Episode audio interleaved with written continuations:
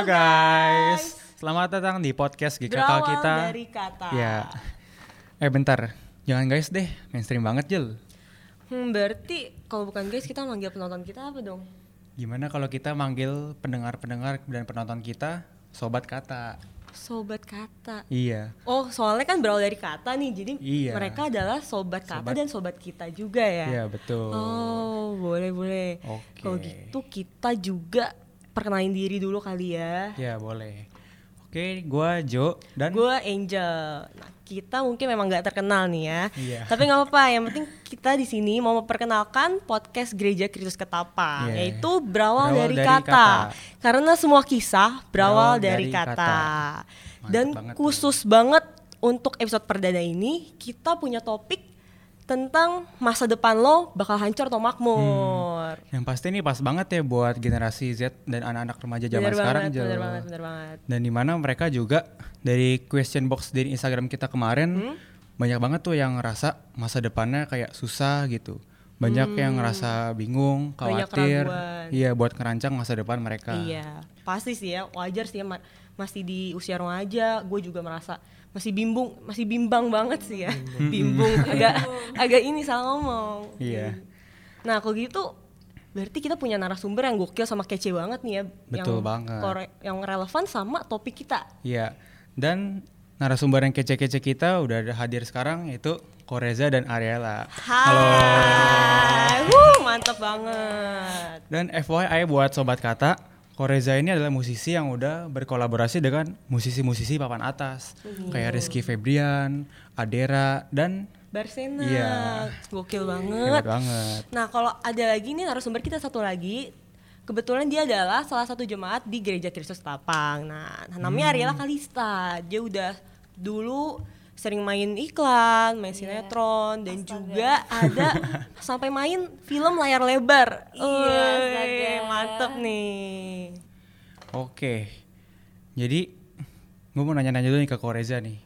Gue dengar-dengar itu lu kok dari dari SMP dulu udah terobsesi banget sama musik, nih. Woi, terobsesi. terutama di musik bass. Nah kira-kira Hmm. kapan sih lu mulai suka sama musik itu, mulai jatuh cinta sama musik itu kok? Hmm, awalnya tuh gue main musik tuh dari SD ya. Hmm. Biasa main gitar, main gitar-gitaran doang lah.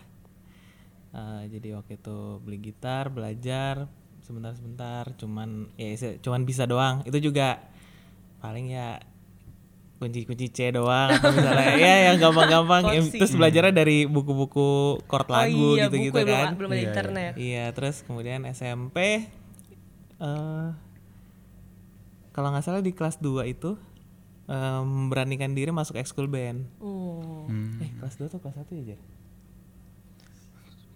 Oh, ya, kelas 2. Kelas 2 itu memberanikan diri masuk ekskul band.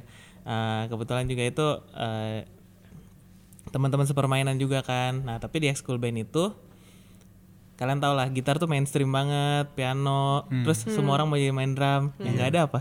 Ada. Iya. Jadi rata-rata tuh basis-basis tuh biasa eh yang biasa main gitar, terus tiba-tiba eh nggak ada basis nih. Ya udah, gue aja yang main bass. biasa gitu. Nah, udah mulai dari situ dari situ tuh mulai kayak eh, seru juga ya main ini terus kayak eh mulai pelayanan juga kan di situ. Bareng teman-teman juga ada teman-teman dari SMP juga dari ekskul band itu kita malah setim itu juga pelayanan jadi emang awalnya itu gara-gara satu tim itu kompak bareng lah istilah katanya nggak ada yang pecah kayak misalnya semuanya pelayanan bareng semua bareng jadi ke mana-mana bareng gitu loh. Terus mulai juga kayak lomba-lomba band terus beranjak ke SMA juga kita di pelayanan di GKK juga. Oh. gitu di direct juga sama senior senior nah mungkin dari situ aku kayak merasa kayak eh, seru juga main musik. Nah juga sebenarnya kalau biasa kan di luar itu orang tua agak menentang kan kayak ambil yang majornya hobi. Eh, istilah kata mereka tuh hobi lah. Iya.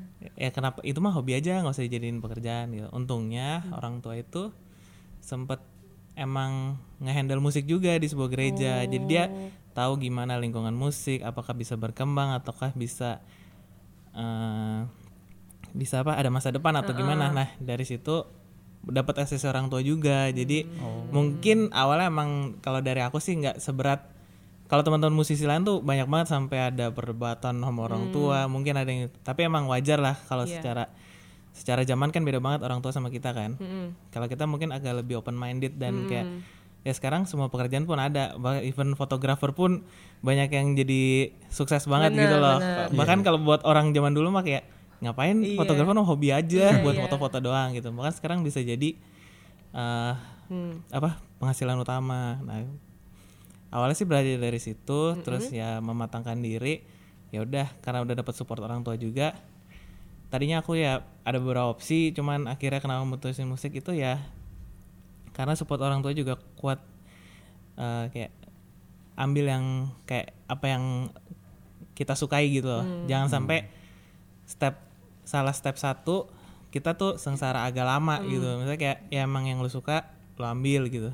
Jadi nah dari situ ya mungkin eh, sering berjalan waktu ya memutuskan ya untuk musik gitu Hmm, berarti Koko termasuk beruntung ya. ya sama tergolong orang tua. tergantung tergantung- Kan termasuk banyak tuh banget. anak yang mau misalnya ke musik atau passion di mana orang tuanya Hmm. kayak beda pendapat. Kamu tuh Iya. enaknya di sini, bagusnya di sini.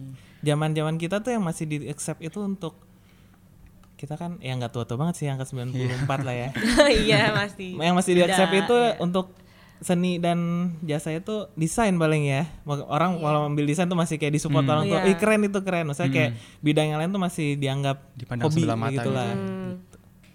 Oh. kayak gitu sih tuh. Hmm. Nah kalau Ari nih, gue juga ada dengar-dengar dari dulu, dari lu kecil dari TK dari SD itu lu udah ekspresif banget, udah banyak gaya lah. Kayak kalau foto bisa miring-miring-miring gitu. Ya ampun. Gue juga ada bukti fotonya nih. Apaan tuh? Nih buat bukti siapa tahu lu lupa nih, Astaga. boleh dilihat nih. Ya ampun. Coba nih bisa ceritain nih, emang apakah dari dulu dunia hiburan entertainment itu mendarah daging di diri lu? Mendarah daging Iya. gitu ya.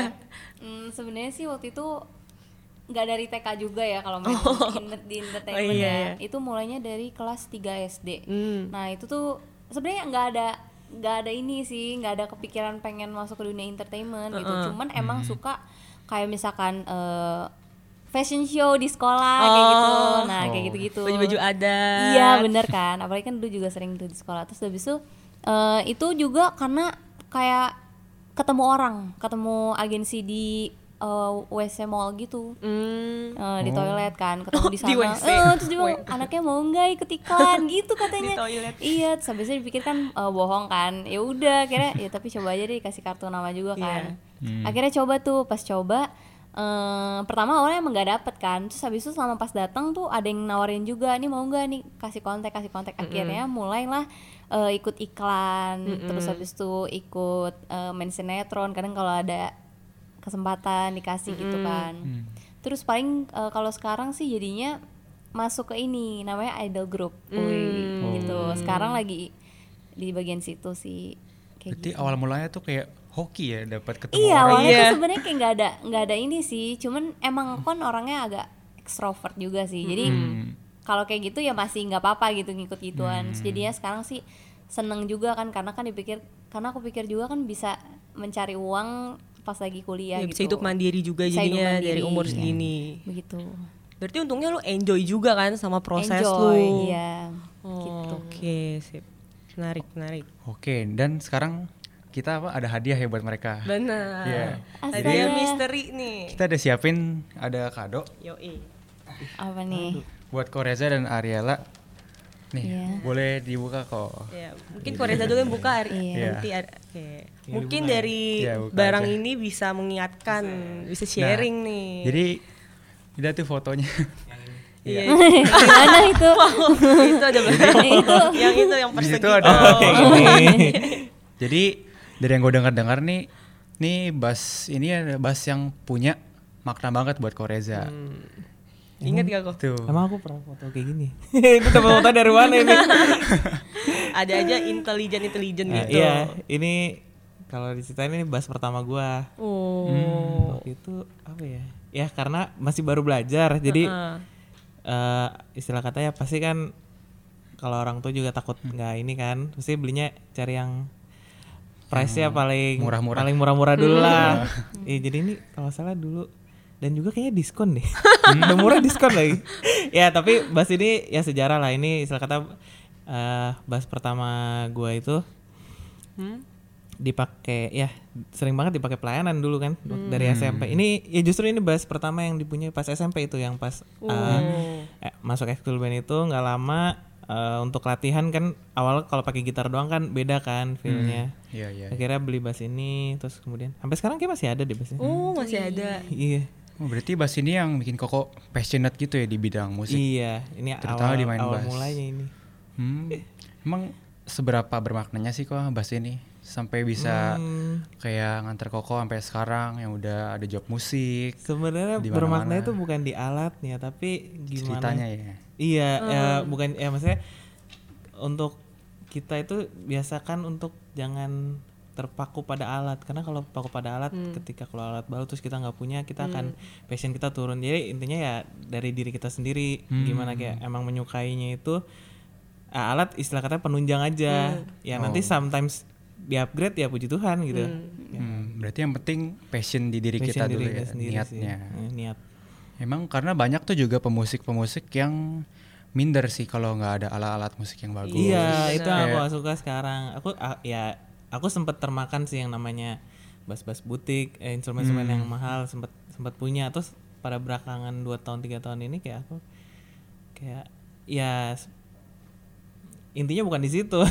Hmm. kayak beberapa alat musik juga nggak perlu yang sampai sebagaimana mahal juga untuk menunjang intinya kan di diri kitanya itu Hmm, bener. permainan kita eh, kulikan kita tanggung jawab kita pada sama eh, apa namanya kerjaan gitu kalau alatnya bagus tapi orang yang nggak tanggung jawab juga percuma kan. Iya, betul banget. Tapi sebenarnya alat itu kan juga bisa support kita kan. Jadi misalnya Hmm. alat bass yang harganya satu juta sama yang harganya mungkin belasan sama puluhan juta. Hmm. Pasti kan kualitas kan beda kan. Di kualitas itu juga bisa menunjang kita dalam berkarya gitu kan. Hmm. Gimana kok? nah eh, sama kayak halnya apa ya oh, gue bingung. Bentar ya. Selamat mengedit.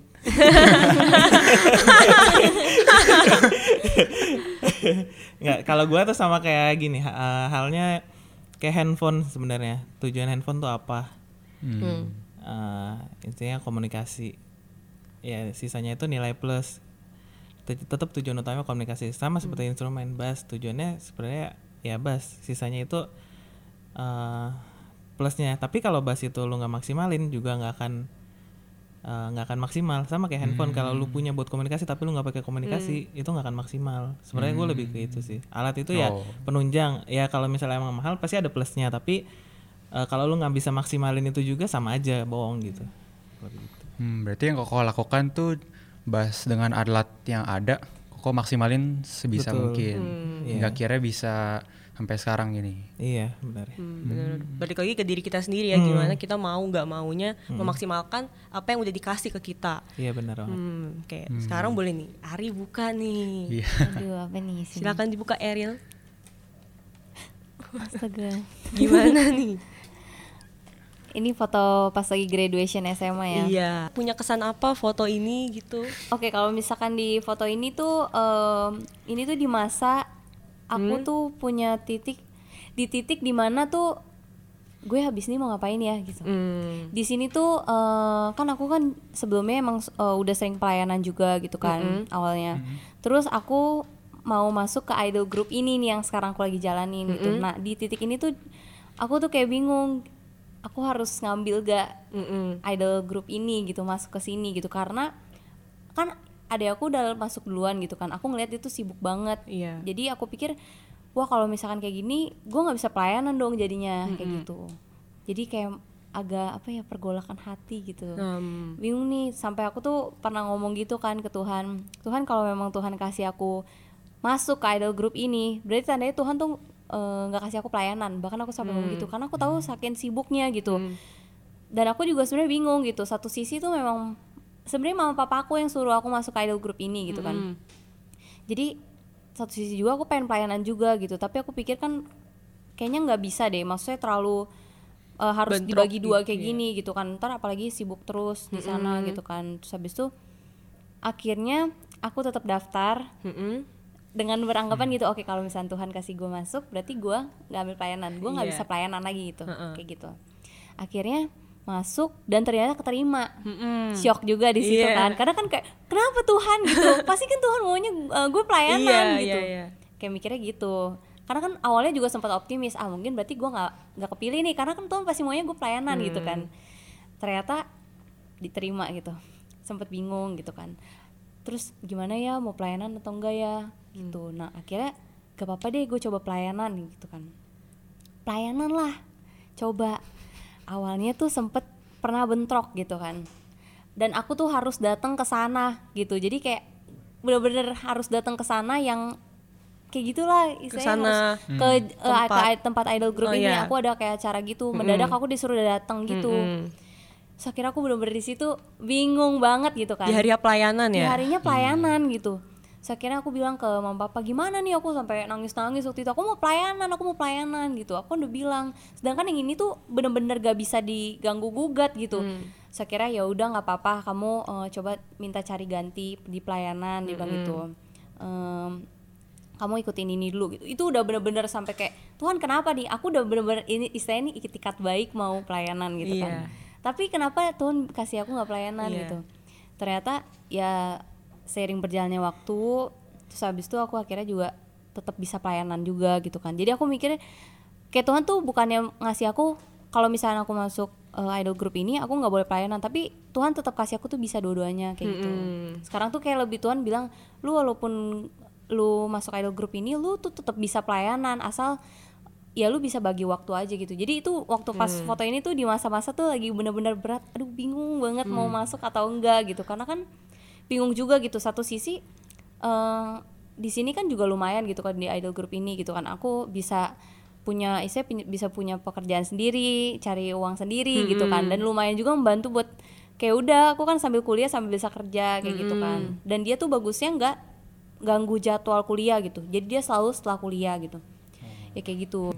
Tapi untungnya menariknya nih ya yang gue dapat bahwa di setiap hidup lu walaupun mungkin gak terasa, tapi untungnya di saat itu lu bisa merasakan kebaikan Tuhan di mana Tuhan Iya. tetap ngasih lu pelayanan, memu- bersyukur sama Dia dan sekaligus jalan untuk lu menuju masa depan lu. Iya, Dan benar. juga ada support orang tua juga. Bener-bener teman-teman lu yang Gitu juga sih. mungkin support lu. Mm-mm. Hmm.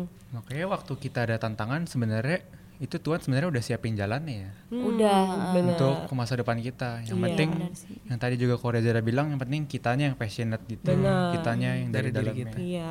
Kita Oke. mau nanggepin tanggapannya gimana, tantangannya gimana. Hmm. Oke. Kok gue dengar-dengar ya dulu lu kan berarti suka ngeband kan? Iya, Iya dulu. kayaknya. Iya. Jadi dulu gue denger nih cerita dulu lu sama band lu waktu SMA gitu ada ikut lomba nih di satu salah satu sekolah. Dan lu udah latihan dengan bagus dan tampilnya juga oke. Tapi hasilnya malah mengecewakan di mana lu di apa ya istilahnya dicurangin gitu lah. Jadi sekolah ingin mementingkan kepentingan mereka sendiri gitu. Ingat gak gua tuh? Kayaknya udah agak lupa sih pasti ini dari Jeremy kan. Karena gua dulu soal lomba bareng Jeremy. Cuman jujur gua anaknya tuh agak pelupa. Cuman eh, untungnya gara-gara gua bukan pelupa lah istilah gua nggak terlalu memikirkan something yang misalnya kayak kecewa atau apa tuh Oh. terlalu dalam kayak udah kayak let go aja kayak Hmm. ya mungkin waktu itu kejadiannya kurang lebih yang diceritain nih ya gue gue inget-inget sedikit cuman eh kalau nggak salah tuh vokalis kita sampai nangis kayaknya Wow, sampai nangis. iya nggak sih iya nggak Bener-bener kata. mantan lu Jer mantan lu ya Jer gimana kok disebut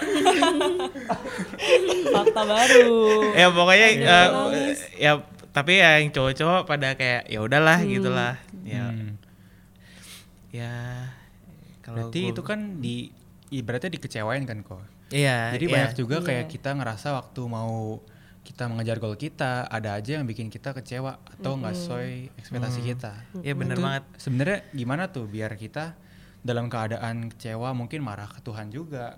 Hmm. Tapi kita tetap harus bisa fokus ke goal kita tuh gimana caranya sih? balik lagi yang kayak gue bilang eh, gimana di diri lu sendiri karena lu gini kalau misalnya orang lain mau kasih masukan walaupun lu konsultasi ke siapa teman baik lu tapi kalau lu nggak mendengarkan dan lu nggak menjalanin ya nggak akan bisa jadi gitu balik lagi ke diri lu sendiri apakah lu mau stuck di situ atau lu mau move on gitu Hmm. gitu Mindset kitanya Mindset. ya.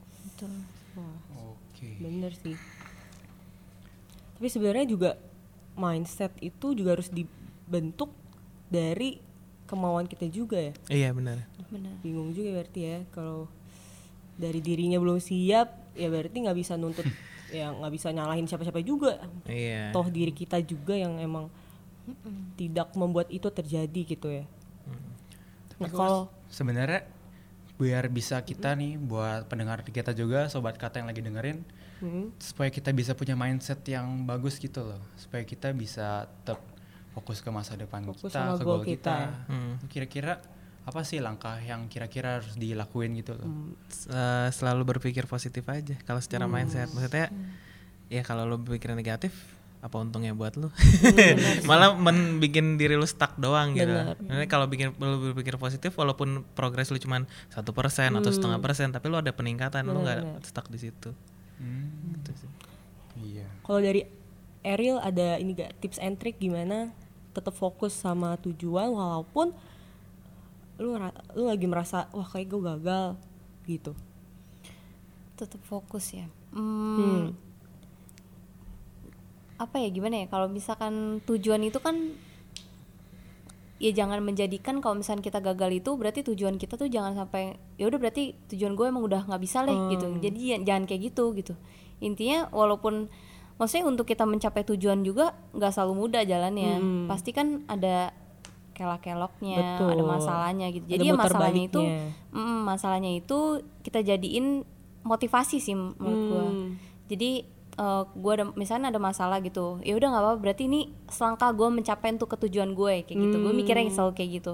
Jadi jangan dipikirnya eh, ini ada masalah nih berarti gue gagal deh udah berarti gua ya udah gue di sini aja jangan jangan mikir kayak gitu. Karena hidup kita tuh masih panjang gitu kita nggak tahu Tuhan manggil kita kapan. Asik. Ih, astaga. Jadi masalahnya jadiin pembelajaran proses kita untuk nuju goal Ke itu. goal itu. Oke, sip. Oke. tapi kan banyak juga nih real kayak kasus di mana anak-anak merasa gagal mereka terjebak dan dalam kubangan itu. Jadi bisa misalnya ngalami suatu hal yang menyedihkan dalam hidup mereka entah itu bersangkutan dengan tujuan hidup mereka dan mereka gagal mereka malah banyak yang eh, stuck di situ loh.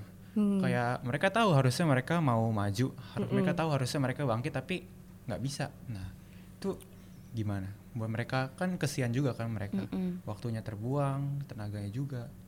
Eh, menurut gue sih ini sih kita pas lagi keadaan kita terpuruk kayak gitu kita tuh harus benar-benar dekat sama Tuhan. Karena gue juga pernah ngerasain kayak di posisi kayak gitu gitu kan. Kayak bener-bener ngerasanya tuh bahkan orang lain tuh nggak ngerti kita gitu kan. Hmm. gimana sih gue kayak gini kayaknya tujuan gue udah bukan kayak gini deh gitu.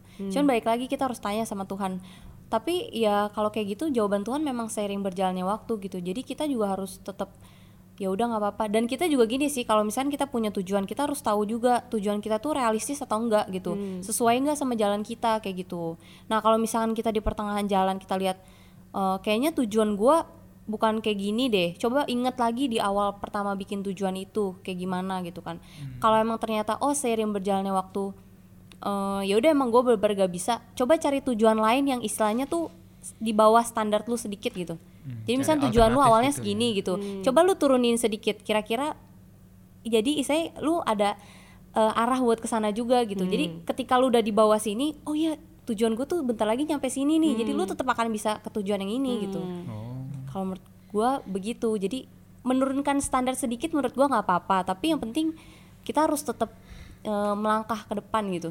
Jangan kita malah stuck di tengah jalan gitu karena menurut gue ya setiap hidup orang tuh pasti berharga gitu. Mereka tuh pasti punya tujuan yang indah di ke depannya. Tinggal kitanya mau atau enggak buat eh, mencapai tujuan itu gitu. Memikirkan tujuan itu atau enggak gitu. Itu semua tergantung kitanya Benar. gitu. Berarti kayak mengatur ulang strategi ya buat iya mengatur buat ulang strategi tujuan kita. Betul. Walaupun menurunkan tujuan atau goal ke sana kayak jelek gitu ya Iya, menurunkan standar ekspektasi. gitu kan. tapi sebenarnya ada kebaikan di balik itu. Betul. Mm, bener kayak gitu. Kalau dari Koreza sendiri gimana tuh kok tentang menurunkan tujuan kita sedikit tapi tetap ngarah ke situ. Hmm, gimana? kayak kita misalnya ada tujuan nih tinggi. Tapi karena berbagai macam hal kita jadi nggak bisa. Tapi kita jadi kayak menurunin standar ekspektasi kita sedikit gitu. Jadi kita tetap bisa nyampe ke situ jadinya. Hmm, kalau gue sih untuk nyampe tujuan itu sebenarnya ya bukan mu- mundur sih sebenarnya jatuhnya. Kayak Mm. mungkin kayak misalnya kayak kita dari sini dari gereja mau ke istilah katanya mau ke GI itu banyak jalannya. Kayak kita nggak harus lewat Sudirman. Jadi ketika itu ganjil genap kita bisa lewat jalan belakang Tanah Abang. Seperti itu sih. Maksudnya bukan berarti kita harus mundur ke jauh banget ya. Kayak kita bisa cari alternatif lain gitu. Iya pasti ada jalan lah ya. Bener. Oke, kalau lu kok kan udah berkecimpung di dunia musik lama banget nih. Jadi berarti dari awal lu udah milih kan buat oke, gue di sini nih passionnya. Nah tuh eh, buat kayak gitu gimana sih caranya? Bisa sampai bisa yakin dengan diri lu sendiri. ya dari kitanya harus yakin nggak maksudnya dan juga kita masa SMA sebenarnya eh, nggak tahu kalau karena gue orangnya logis ya jadi kayak Hmm. apa pun yang lu yakinin ya lu harus keep in your mind lu yakin itu. Jadi jangan kayak lu yakin terus besok kayak eh kayaknya enggak deh. Lu yakin ah istilah kata anak sekarang galau gitu kayak. Kayak ya itu yang merusak mindset lu. Padahal lu awalnya tuh udah yakin tapi karena ada satu dua rintangan lu kayak eh kayaknya nggak yakin deh. Kayak Iya, sebenarnya gitu jadinya. ya balik lagi ke jalan. Jalan tuh banyak banget lu bisa belok kiri dikit terus belok ini bisa lewat gitu. Oke.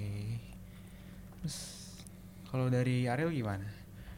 Eh kan lu udah milih nih dunia entertainment gini. Yang buat lu bisa passion lu di sini nih. Oke, dari gua akan fokus di sini. Dari dulu gitu. Hmm, kalau dari dulu sebenarnya em, tujuan gua dulu sama sekarang tuh beda gitu. Kalau dulu gue em, main iklan kayak gitu-gitu itu karena gue seneng, gue suka gitu. Gue suka. Terus habis itu kan eh, uangnya juga lumayan gitu kan. Ya udah gue kasih ke orang tua kayak gitu. Nah kalau sekarang gue mikirnya gini karena kan gue juga ketemu sama fans gitu istilahnya kan orang-orang yang suka gitu nah gue tuh lebih mikirnya gimana caranya gue bisa bikin mereka seneng gimana caranya gue bisa bikin mereka em, seneng ketemu gue bahagia ketemu gue ketawa ngelihat gue gitu jadi gue Menghibur nggak ya, cuman menghibur mereka. gue nggak cuman eh, nari atau nyanyi gitu gue nggak cuman kayak gitu. Tapi gue cuman gue juga pengen menjadi eh, orang yang mereka bilang oh iya eh, ini lu tuh orangnya memang baik gitu. Lu orangnya memang menyenangkan kayak gitu. Dan gue juga nggak cuman maksudnya nggak cuman kayak gitu ya tapi kan kadang kita ada kayak ketemu sama fans gitu kan. Mm-mm. Nah, di situ gimana caranya eh, gue juga bisa menjadi orang yang bisa mendengarkan gitu. Kadang mereka cerita, gue dengerin gitu kan. Kadang mereka nanya, "Kok lu bisa begini sih?" Ya gue eh, nyautin gitu lah. Jadi saya juga harus bisa jadi berkat buat mereka gitu. Kayak gitu. Sebisa mungkin mengusahakan diri supaya bisa berguna bagi orang lain Iya.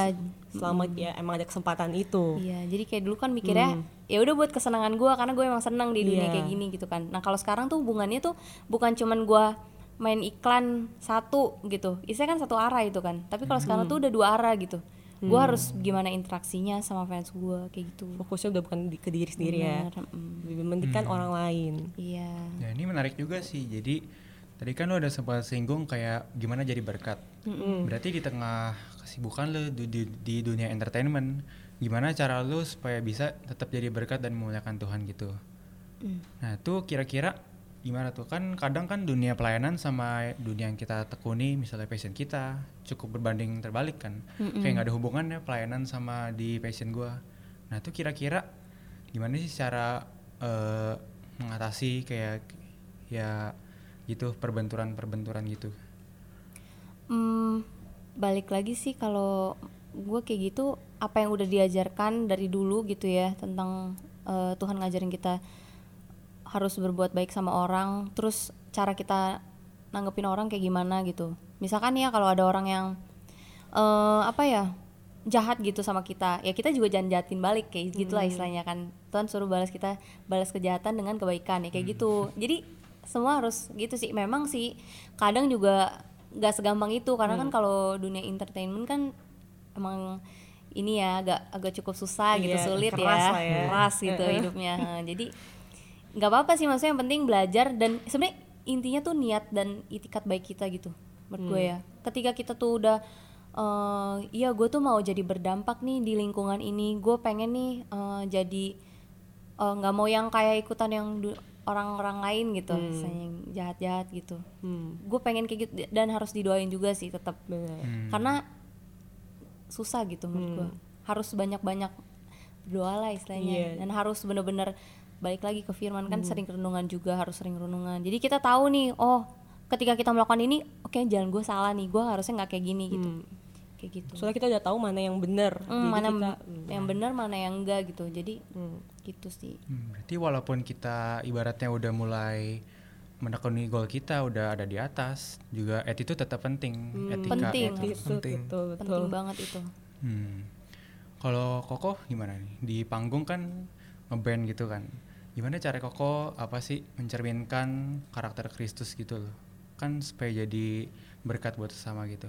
Ya kalau misalnya mau di ngomongin ngeband di atas panggungnya mungkin kita agak sulit ya. Cuma karena emang nggak bisa Iya karena- juga. mungkin tapi kita bisa dari jujur musik itu emang penting banget attitude karena musik itu berawal dari pertemanan. Hmm. kayak teamwork kan. Jadi lu harus eh, istilah katanya menjalin hubungan baik dengan semua teman-teman. Karena itu nanti yang akan bermain bersama lu di panggung nggak mungkin kan gak enak gak enakan. Kalau nggak enak nggak mungkin juga kita kerja bareng gitu lah jadi mungkin dari situ kita eh, istilah katanya berdampak buat orang attitude harus dijaga tetap stay positif ngasih energi positif juga ke teman-teman gitu. Hmm, bener sih, soalnya kita juga makhluk sosial nanti kita, Iya. kita dari kecil harus attitude-nya bagus di keluarga, terus sekolah, pertemanan, terus nanti juga tempat kerja sama rekan-rekan kerja itu attitude penting banget benar-benar.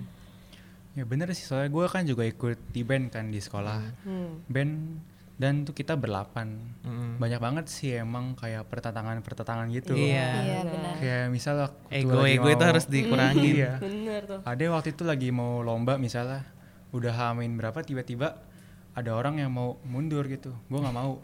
Kan susah kan jadinya. iya Jadi emang penting sih buat nyatuin pikiran gitu di satu kelompok. Hmm. Iya, Yang gue belajar dari musik itu teamwork. Iya. Kayak kayak let's say kayak gini lah.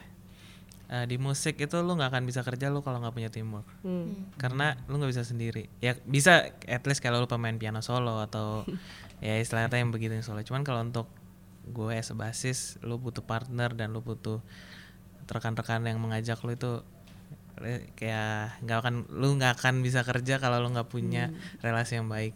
Hmm. Beda sama eh, pekerjaan yang umum lah. Iya, lu- nggak ada lu nggak nggak kenal siapa pun di kantor itu lu lamar kerja- kerjaan lu bisa masuk. Ini agak berbeda gitu. Hmm, Jadi hati itu tuh penting banget kalau di situ. Bener. Hmm, Dan mungkin di Ariel juga dunia entertainment teamwork juga salah satu yang paling penting ya. iya penting banget apalagi kan kalau perform rame-rame juga kan Mm-mm. nah kalau ada yang sebel satu sama lain gimana tuh Nah, makanya sih Atau mau diceritain lagi sih? aduh enggak lah enggak Bisa disengkat terus lagi Disengkat. Oh, disengkat kan ada yang baperan misalkan woi lu sengkat gua Nah, jangan bola gitu ya? kacau itu sih. Jadi pengalaman pribadi ya jadinya. enggak, enggak. Mm. kalau gitu mah kalau udah kayak gitu emang ya udahlah saya kan emang pasti orang bisa jatuh gitu. Di nggak mikirnya sampai ini sih. Yang penting tuh kalau kayak gitu ya kita harus buat diri kita dulu yang menyenangkan menurut gua gitu ya. Karena kita tuh ngubah orang tuh susah gitu. Kalau yang maksudnya ya sifat orang beda-beda gitu. Gue juga nggak bilang semua orang baik yang ada di lingkungan gua gitu. Ada juga yang enggak gitu. Tapi ya gimana gua yang buat mereka menyenangkan gitu. Jadi ketika orang yang jahat sama gua ya udah gitu. Saya kan ya tapi dia baik deh sama gue isi isi gitu kan. Misalnya orang jahat pun kalau bisa ngeliat orang itu baik pasti kan kayak gitu. Iya. Kalau lu juga panas ya kebakaran iya banget sih. jadi nggak akan bisa perform kalau kayak Iya. gitu. Nggak nyambung chemistry-nya gitu istilahnya. Tuh. itu sih. Tapi attitude memang penting gitu. Karena kalau kalau di sini juga gue juga diajarin buat attitude-nya tuh bagus gitu. Karena kan itu kan istilahnya tuh harga diri sebuah tim. Gue juga ya orang tuh terkenal kalau misalnya oh ya ini grup ini tuh baik gitu grup ini tuh sopan bagus gitu jadi orang tuh udah tahu oh ini attitude-nya bagus gitu kayak gitu menurut gua. jadi menurut gue penting sih juga Karena yang dari dalam akan keluar. Betul Mm-mm. terpancar ya, benar-benar. Iya. betul sekali Yang penting beauty inside outside juga beauty. Ah, ah, iya. Oh, iya, iya. Kayak Gue kebalik pikir ya. lu ngomong fresh outside itu jadi kayak iklan ya. Iya, tadinya, juga kok kayak salah. Iya, iya, iya. Pokoknya luar dalam tetap cantik, Iya, tetap betul. memancarkan kasih. Bagus, bagus. Iya. ini udah agak seret. Iya. Kayak kalau mau lanjut cerita sharing susah ya. Ini Iya, kayak di gimana? depan bukan pajangan, Oh, iya. ini Oh, bisa iya. diminum Oh, ini nih. bukan pajangan Bisa nih ya. diminum ya? Bukan. Bisa Bisa bisa minum ya? Tuh bisa diangkat, bisa Oh diangkat. iya, iya. Oh, bisa iya, diangkat. Nah, boleh diminum dulu Cip, nih. Coba Iya. dulu, coba. Ini nggak tawar kan ya? Oh, Enggak enggak. dong. Ini dari mana, Jel? Ini dari Delicious bisa didapetin di Caremart aplikasi Gereja Kristus Ketapang. Ini tuh fresh banget, bener-bener buah asli, yaitu mangga. Ini Oh, ini jambu. mangga. Aduh, duh. Enak ya. Hmm, Enak ya? Oke. hmm, manisnya pas sih. Ini Jadi asik kalau banget. ada sobat kata yang mau beli bisa beli di mana Jel tadi? Bisa beli di aplikasi Gereja Kristus Ketapang. Betul Lebih tepatnya. Caremart. Nanti ada kita di kita cantumin di description box. Iya betul. Langsung aja diklik. Oke sobat kata. Oke kita udah seger lah ya, udah Iya. bisa sharing-sharing lagi. Nah tapi sekarang kita mau main games yang seru. Iya. Wow, setelah main kita dengar kata-kata bijak dari narasumber kita. nih. Iya. Bijak lah tuh. Iya tuh menyentuh Kita banget. ada game yang seru nih. Benar. Apa Jel nama gamenya? Pernah nggak nggak pernah? Pernah nggak ya? Woi. Asik. Jadi coba instruksiin gimana nih? Jadi di game ini kita akan kasih kalian pertanyaan dan kalian akan memberi jawaban dengan ini. Iya, centang untuk pernah dan silang untuk Untuk tidak, tidak pernah. Jadi secara bersamaan setelah kita bilang satu dua tiga, kalian akan mengangkat ini. Oke. Nah, coba boleh dipegang dulu. Oke, kita latihan dulu kali ya. Boleh. Oke. Coba Oke. soal pertama ini masih contoh ya. Eh, ya patah. Sama Oke. nih. Pegang berarti pegang agak pakai ini, ya. pakai ini. Ya. Pernah nggak ya ketiduran waktu lagi kebaktian? Satu, dua, tiga. Oh, gercep banget. Gercep banget. belum, ti- belum tiga udah ya pernah ya Wah, oke. Pernah Tapi ya? ini masih latihan, jadi nggak Iya. apa-apa. Latihan. Simpen dalam hati aja Oh, iya. dosa-dosanya. Bilang sama Tuhan nanti. Iya, iya, minta maaf ya Tuhan gitu ya. Hmm, oke. Nanti kalian juga boleh nih ceritain dikit gimana sih Iya. pernah nggak pernahnya gitu. oke Oke, Itu lanjut. masih latihan. Pertanyaan jebakan tadi ya? Iya, sebetulnya iya. Oke, langsung aja Jul. Pertanyaan pertama aja Siap. Pernah nggak ya bolos atau izin kuliah demi manggung? Pernah. Oh, oke. Gimana nih kok ceritanya? Dimaksimalin malah izin Iya. absennya.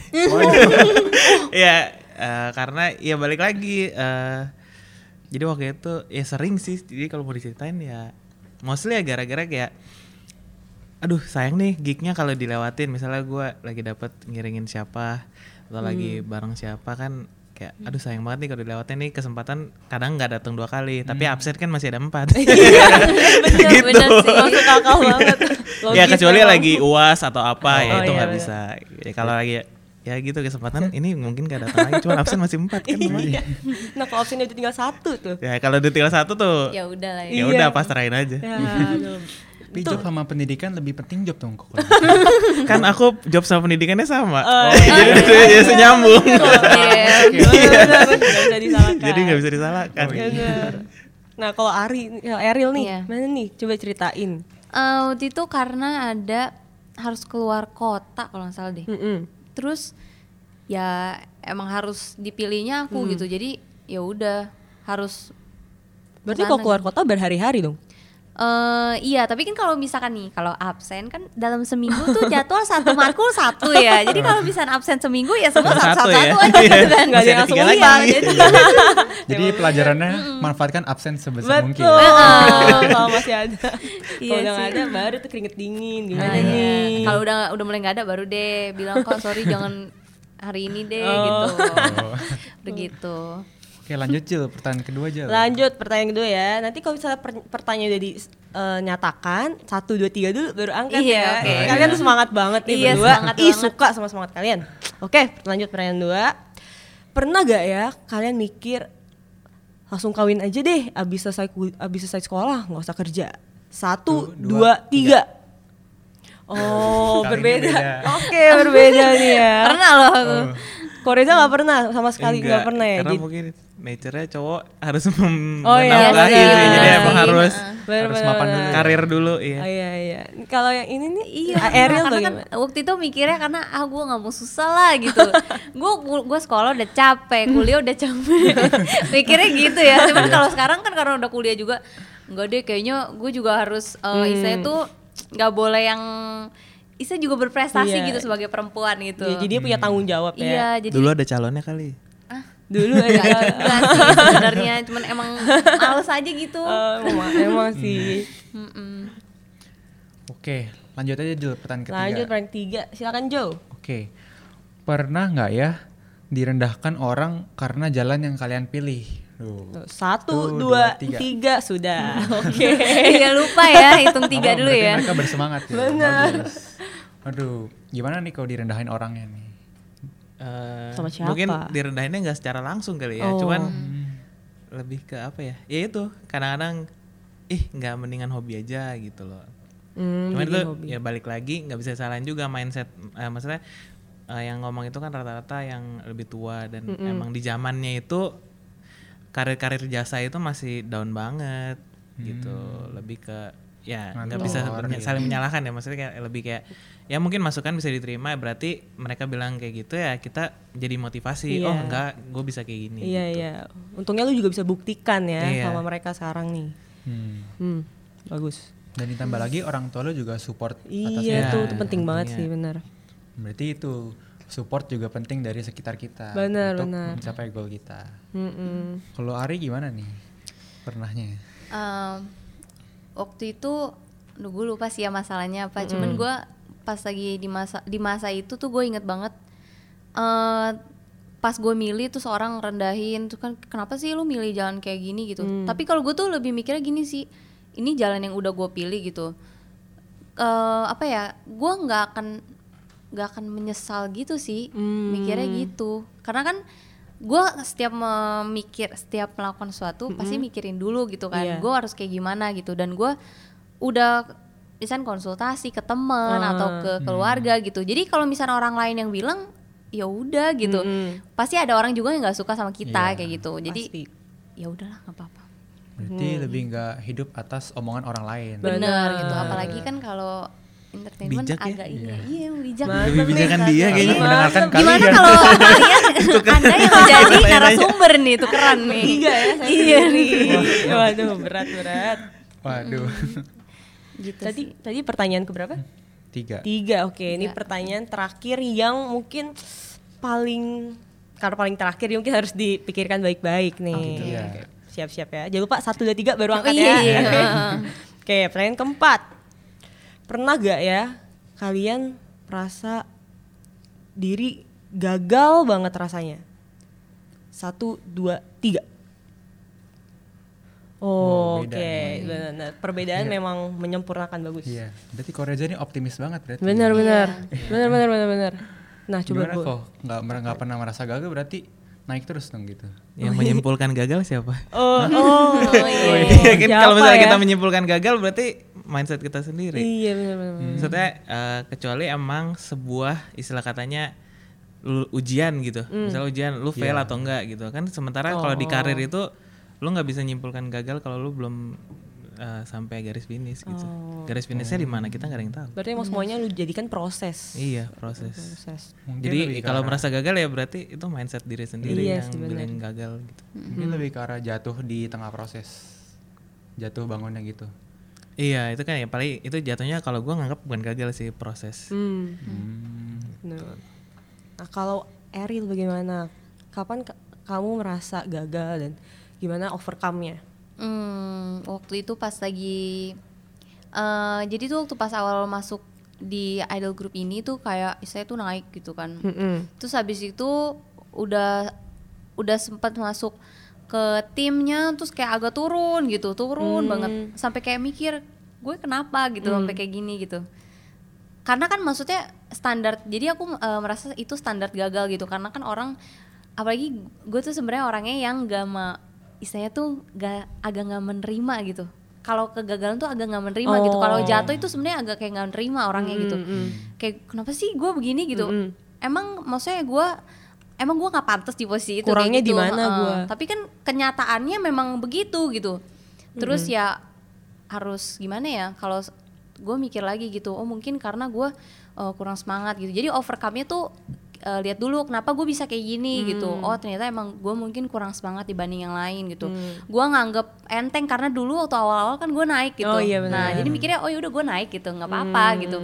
jadi makanya oh ya udah berarti gue mungkin sekarang harus belajar lagi karena kan orang kalau buat nyampe ke atas tuh eh apa ya istilahnya mungkin jalannya tuh nggak jalannya tuh lumayan mudah gitu tapi untuk mempertahankan di atasnya itu kan susah gitu kan susah Iya, banget kalau mempertahankan di atas Susah tuh. mempertahankan. iya benar emang, emang. makanya apalagi kan nanti ada orang baru gitu kan gimana Hmm. sih caranya gue bisa bikin gue tetap bisa di atas gitu gitu jadi kayak gue harus mikirin nih gue caranya gimana gitu Hmm, untungnya lu nggak menyerah ya. Enggak. Untungnya lu tetap positif, tetap cari cara. bener-bener. karena kan gue juga mikir emang gue udah di dunia ini gitu Iya. sayang kalau misalnya gue eh, ya udah gue cuman setengah-setengah ngelakuinnya Hmm. gitu mendingan gue ngelakuin nanti ketika gue misalnya suatu saat gue mau keluar dari dunia ini orang tuh udah tahu oh nih lu punya prestasi di sini gitu Hmm. ya gue gue emang orangnya gitu sih Iya. kayak iya Gak apa-apa bagus, membentuk keunikan diri masing-masing jadinya. Iya.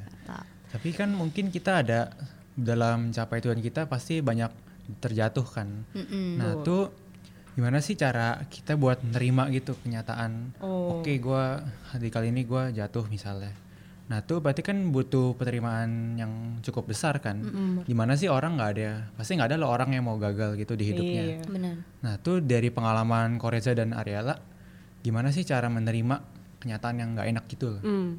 Gimana kok? dijadiin pelajaran kalau gue jadi lebih kayak oh ya udah ini lesson jadi lu belajar jadi bukan berarti kayak eh ya jadi ya itu sih harus diterima pasti karena kita eh kalau misalnya ada kesalahan atau apa ya itu jadiin pelajaran aja supaya berikutnya tuh nggak begitu tapi bukan berarti kayak ketika kita ada salah atau gagal eh atau kayak lagi jatuh gitu kita anggap itu gagal kita langsung simpulin tuh gagal sebenarnya kalau aku sih lebih gitu Hmm. Tapi sebenarnya kita sedang naikin tangga ya ibaratnya. Tapi banyak mindset orang yang merasa bahwa mereka malah sedang terpuruk gitu, jatuh. Hmm. Itu mungkin cukup apa ya membahayakan juga buat mindset-mindset terutama anak-anak muda zaman sekarang. Iya benar. Di mana mereka merasa waktu mereka ada sesuatu yang menimpa hidup mereka, mereka merasa ini udah selesai nih hidup gua, Iya. is over. Tapi Iya. sebenarnya nggak begitu kan. Hmm. Kalau dari Ari gimana nih? Waktu menghadapi kegagalan-kegagalan seperti itu.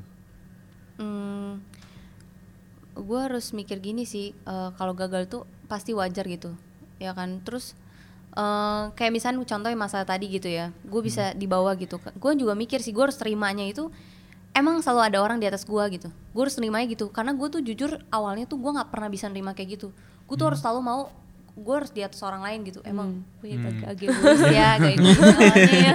Emang jangan dicontoh ya Iya jangan dicontoh ya nih. Masih belajar juga. Iya masih Kan belajar. belajar. Makanya sekarang juga harus mikir gitu karena apalagi di dunia kayak gini ya itu udah pasti banget ada orang yang pasti lebih baik. Jadi misalnya ada orang masuk, orang baru lagi gitu, itu udah pasti gitu. Jadi kalau misalkan gue begitu gitu, gue yang capek sendiri Iya, gitu kan, gue yang capek sendiri, gue yang kan apaan sih gue nggak terima gitu. Iya. Dan malah nanti jadinya takutnya gue yang eh, buat orang tuh jadinya nggak nyaman kok Iya. si Ariel, Ariel jadi kayak gini sih sekarang gitu kan.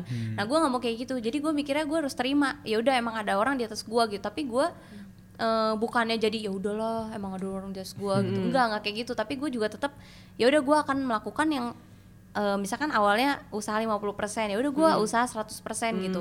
Tapi itu semua balik lagi tergantung orang yang ngeliat gitu. Kalau misalkan mereka tetap lihat gue eh, ya udah gue tetap masih di bawah mereka gitu. Ya udah nggak apa-apa gitu. Yang penting gue tuh udah berusaha gitu. Mungkin kalau misalkan satu atau dua orang yang ngomong kayak gitu, tiga orang yang lain tuh bisa ngelihat progres gue gitu. Iya. Gue jadi sekarang mikirnya bukannya eh, gue harus di atas orang lain, tapi gimana gue bertumbuh gitu. Jadi orang tuh ngelihat progres gue gitu. Jadi walaupun gue di bawah orang lain, tapi seenggaknya walaupun gue bertumbuh tuh gue masih kayak ya udah gitu. Hmm. Kayak gitu sih. Tapi juga jangan eh, maksudnya ada masalah kita yang terpuruk gitu. Hmm, Ya, jangan. nggak boleh Iya. harus Iya. mau bangkit nggak lagi. boleh Betul. baper ya Iya nggak Nggak boleh boleh baper. Betul. Benar. Tapi bukannya perasaan untuk selalu ada di atas tuh bisa maju buat terus maju ya? Memang sih kadang begitu, tapi kan maksudnya kita juga nggak bisa pungkirin ada orang lain tetap yang harus di- yang yang ada di atas kita gitu. Jadi kayak kadang tuh ya mungkin kalau orang tuh terlalu ambisius kadang ya Mhm. ada yang terlalu ambisius tuh mereka tuh sampai eh, egois jadinya. Hmm. Jadi kayak gue mau yang di atas, tapi gue nggak mikirin orang lain yang di samping gue gitu. Jadi kayak main Hmm. ngikut gitu. Hmm. Nah kayak gitu. Jadi gue sekarang harus lebih menurunkan nggak menurunkan ambisi juga sih cuman yang penting gue tuh cuma maunya sekarang tuh tujuan gue jadinya gue harus berkembang gitu. Jadi Hmm. bukannya gue berlomba-lomba gue harus lebih di atas lu yang sampai gimana gitu. Karena gue tahu di atas gue tuh pasti ada yang lebih baik gitu. Kayak gitu gue mikir. Tapi yang penting gue harus bertumbuh gitu. Gimana caranya gue berkembang gitu secara pikiran secara attitude gitu. Dari yang egois misalkan dia dia yang enggak gitu. Kayak gitu. Berarti di atas langit masih ada langit ya. betul. Sekali. Oke, sekarang kita ini aja Jel. Apa kan nih? dari question box kemarin ada tuh banyak keresahan-keresahan sobat kata yang disampaikan ke kita. Oh iya yang dari Instagram ya kayak sempat nanya tuh ya. Iya. Iya Dan benar-benar. Banyak banget keresahan mereka dan pas banget ada Koreza dan Ariela ini yang udah cukup berpengalaman buat Yoi. membantu mereka nih. Sip. Nah, jadi di sini kan kita udah jadi kita takut. kayak takut. Oh, enggak. Enggak apa enggak takut, tenang aja. Kalau dari sebelumnya kan kalian cukup luwes, cukup Iya. bisa memberikan masukan, tenang aja. Kita mulai dulu Oke. dari yang pertama nih keresahan dari Oke. sobat kata ya. Berarti dari yang udah kita saring dari survei kemarin, Hmm. Banyak dari mereka yang sulit merencanakan masa depan Hmm. karena takut keluar dari comfort zone, karena masa depan itu unpredictable, Hmm. karena tidak percaya diri sehingga takut gagal. Nah, kalian pernah nggak sih ada di masa itu? Terus gimana cara kalian melaluinya? Dari Koko Hmm. gimana? Kok? Nah, kalau aku sih jujur ya pernah waktu masa SMA tuh kayak bingung mau ngambil apa itu kan salah satu juga pergumulan untuk masa depan kan ya. Ya yang gua akuin bener masa depan tuh unpredict kayak kita nggak tahu. Tapi yang bisa kita predik itu apa langkah kita kan kayak eh, step-step yang kita yang bisa kita predik. Jadi paling dari gue itu ya setelah itu ya gua ya kita nggak bisa tahu masa depan kita bagus atau enggak tapi kita bisa nyusun step-step agar masa depan kita mengarah ke sana. Iya. Jadi yang kita lakuin tuh jangan kayak ber, eh nanti kita gimana, nanti gimana. Ya, ya yang kita harus lakuin abis ini kita ngapain ya? Abis itu kita abis itu kita ngapain gitu. Jadi jangan mikirin kayak, aduh nanti gue tua gimana, belum apa-apa, udah mikirin ke jauh Iya, sana iya, gitu. iya. Lebih ke apa ya langkah kecil kita aja lah. Itu itu mempengaruh banget ke masa depan gitu loh. Gitu. Sedikit-sedikit jadi bukit jadinya. Betul. Hmm. Dari Ari gimana nih? ini juga iya sih benar juga tadi katanya kan terus apa ya kita juga nggak cuman ngomong gitu kita gimana ya gini gini gini tapi harus ada actionnya bener kan?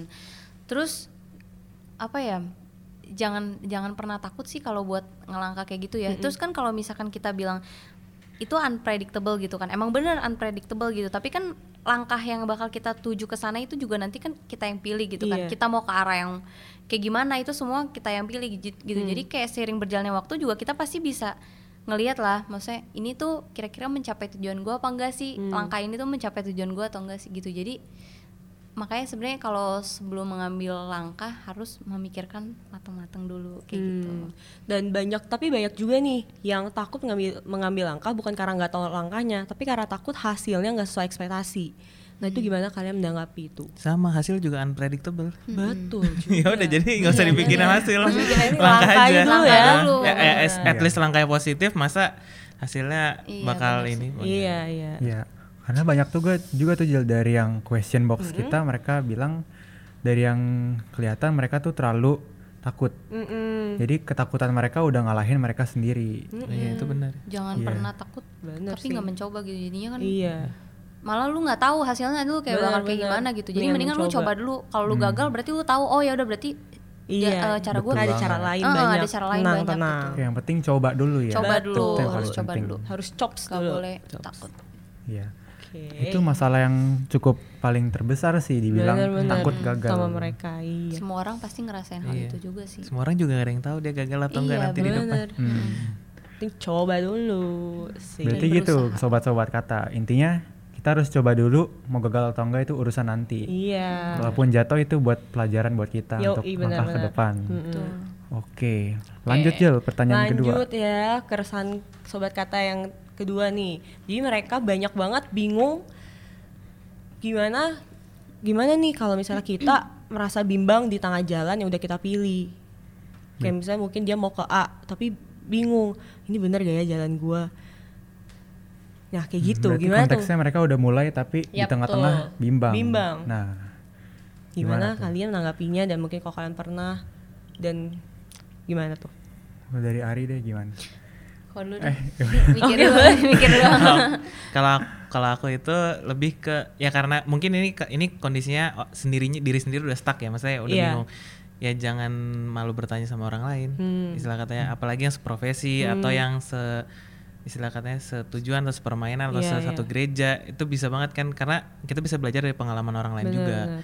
Eh, lebih ke arah situ sih terus eh, setelah udah bertanya itu ya jangan lupa dilakuin Oh, biasa iya, kan bener. karena nanya terus Bener, pulang tetap kayak ngapain Iya. ya padahal udah nanya udah dapet Iya. jawabannya tapi terus kita harus ngapain ya Iya gitu sih benar-benar. Hmm. Berarti juga penting minta dukungan dari sekitar Hmm, ya, Iya, minta benar. support. Iya, sharing lah. Hmm. Hmm. Kalau Iya, kalau misalnya aku hmm, tadi selain nanya ya, selain nanya sama orang sekitar, ini juga sih kita harus misalkan ini kalau misalkan bingung ya, kita tuh jabarin dulu, misalkan tujuan yang ini tuh eh, dampaknya apa sih kayak gitu. Yang tujuan ini tuh dampaknya apa sih gitu. Jadi kayak Hmm. dilihat nih kira-kira lebih ke mana Possibility- gitu. possibility eh, yang ada, eh, dilihat gitu dulu ya. lebih ke mana kayak gitu sih. Jadi ya makanya balik lagi kalau misal mau ngambil keputusan memang harus dipikirin dulu sih. Iya. Bingung tuh Iya. pasti gitu. Heeh. Tapi yang penting kita harus mikirin dulu kira-kira kayak gimana nih, gue harus milih yang mana ya. Kalau yang ini Hmm. dampaknya apa ya? Kalau gue pilih ini dampaknya apa ya gitu. Hmm. Dan ya udah kalau memang udah tahu dampaknya apa ya harus terima kalau kita pilih ini gitu. Hmm. Jangan sampai nggak terima. Kok dampaknya gini sih? Padahal lu udah tahu gitu, lu Iya. pilih ini Jadi gitu. yang pilih dampaknya ya. Ah? Yang dipilih dampaknya. Ya gimana ya? Maksudnya udah harus terima gitu Iya. sih. Iya. yang menerima keadaan. gitu. Menerima keadaan dan lihat juga lebih mau ke mana gitu maunya. Ya, dan benar sih, gue juga pernah kan dalam mencapai gue kan pasti ada banyak fluktuasi-fluktuasi itu kan betul. kayak keadaan naik turun. Mm. Tapi kalau dari pengalaman gue sih, kalau lagi ngalamin hal yang down gitu, kita butuh yang namanya juga rest, istirahat gitu. Hmm. Jadi kan terkadang ada orang yang terlalu ambisius gitu, Mm-mm. macu diri buat nge- mencapai golnya, Hmm. itu sebenarnya kan bagus. Tapi mereka juga lupa ada hal-hal hal-hal lain yang juga masih diperhitungkan. Hmm. Jadi menurut gua juga eh, apa ya istirahat sejenak tuh penting juga dari kerjaan Iya, kita. Bisa dari refreshing, liburan, hangout sama temen gitu. Iya, Benar-benar. Lu gimana Jel? Ada nggak? Bijaksana ya ini. Bisa bimbang ya sebenarnya. Iya. Yang bisa di share ke sobat kata kita. nih. Hmm. Yang gue kepikiran sih paling kisah orang lain ya. Hmm, Jadi boleh. ada seorang sebut aja A nih. Jadi dia cukup Ariela dong. A Angel. Oh iya, itu iya. Nah, jadi si A ini nih dia tahu dia hobi hobi masak nih. Tapi dia dia tahu kekurangannya tuh nggak sabaran. Tapi dia juga nggak mau dengar masukan kayak bukan nggak mau dengar tapi dia susah menerima masukan orang lain karena mungkin dia merasa dirinya benar gitu.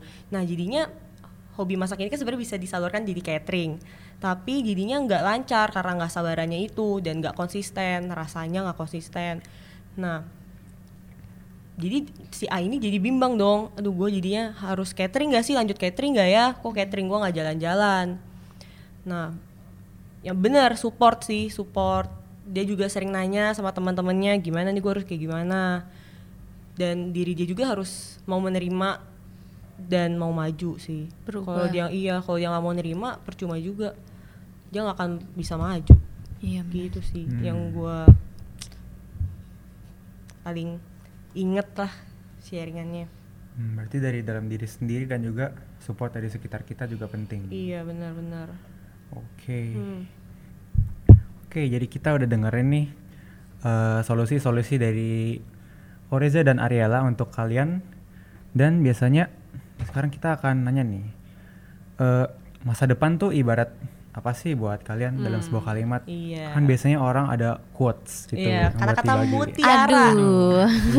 nanti bakal ya. dikutip bakal dikutip nih Gimana? ya Koko? siap ya Apa ya? Cepet banget dalam, ya. dalam satu kalimat Eh, SPOK boleh Wow, bahasa Indonesia yang baik dan. Ah, apa ya? Masa depan itu eh kita nggak tahu gitu masa depan kita tuh kayak gimana gitu. Tapi eh gue optimis dan percaya gitu.